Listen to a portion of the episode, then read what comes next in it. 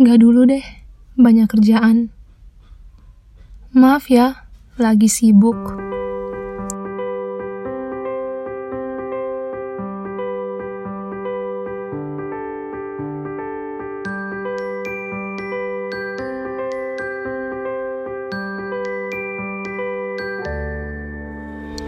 Hai guys, bertemu kembali dengan aku Angel via suara di podcast dari aku untuk kalian. Gimana kabarnya? Semoga kalian baik-baik aja di luar sana. Hari ini aku bakalan ngomongin tentang lagi sibuk. Kalian pernah nggak denger atau bahkan ngucapin sendiri kalimat ini ketika dimintai tolong atau ditawarin ngikut suatu aktivitas? Hmm, gak dulu deh banyak kerjaan. Maaf ya, lagi sibuk, gak bisa bantu. Kalimat yang sering banget aku dengar di lingkungan aku dan mungkin di lingkungan kalian. Dan bahkan kita sendiri yang mengucapkannya. Entah benar banyak kerjaan atau apa pun itu, kalian yang bisa jawab. Bayangin berapa banyak kesempatan yang udah kita buang yang sebenarnya bisa kita gunakan untuk mengembangkan diri kita. Kesempatan yang mungkin adalah batu loncatan untuk pendidikan kita atau untuk karir kita. Teman-teman pernah nggak mikir sampai saat ini apa pencapaian terbesar teman-teman? Apa yang udah teman-teman lakuin di usia ini? Jack Ma pernah berkata, My advice for young people, 25 years old, make enough mistakes. Don't worry, you fall, you stand up.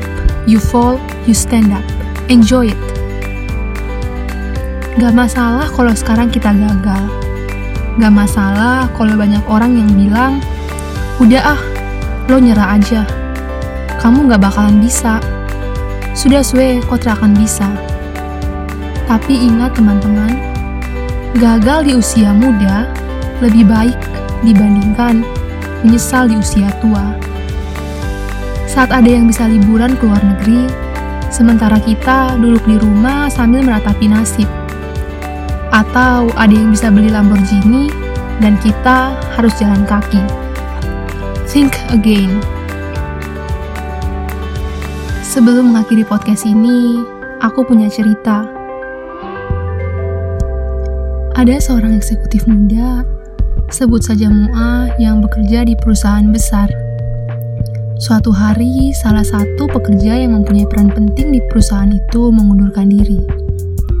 Direktur perusahaan kalang kabut mencari pengganti.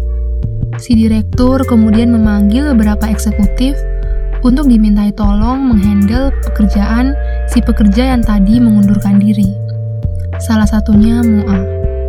Sayangnya, hampir semua eksekutif menolak dengan alasan masih sibuk menghandle pekerjaan lain. Tersisa Mua. Singkat cerita, Mua mengambil tawaran itu.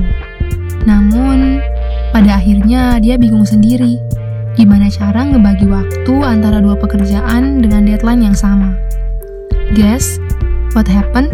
Mua melis semua hal-hal nggak penting yang selama ini dia lakuin, seperti menerima telepon yang sebenarnya bisa dilakuin sekretarisnya, mempersingkat waktu rapat dari 15 menit menjadi 10 menit, sehingga lebih banyak rapat yang bisa Mua hadiri.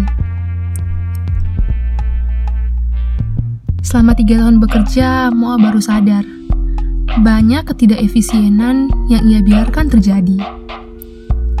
Beberapa pekan berlalu dan direktur memuji kinerja Moa. Kemudian dia menyerahkan kedua tugas tersebut kepada Moa dan gajinya pun meningkat. Selesai. Ceritanya sampai di situ aja. Aku cuma mau bilang, banyak hal yang selama ini kita lakuin yang menyita waktu kita dan kita nggak bakal sadar sampai segala kehektikan itu datang dan memaksa kita menjadi sibuk. Dan mungkin Tawaran-tawaran yang selama ini kita tolak bisa jadi adalah pintu gerbang menuju hal-hal besar lainnya. Buat teman-teman yang udah dengerin podcast ini, semoga kita bisa sama-sama belajar. Terima kasih udah dengerin aku. Jangan pernah bosan ya. Sampai bertemu kembali di episode selanjutnya. Dadah!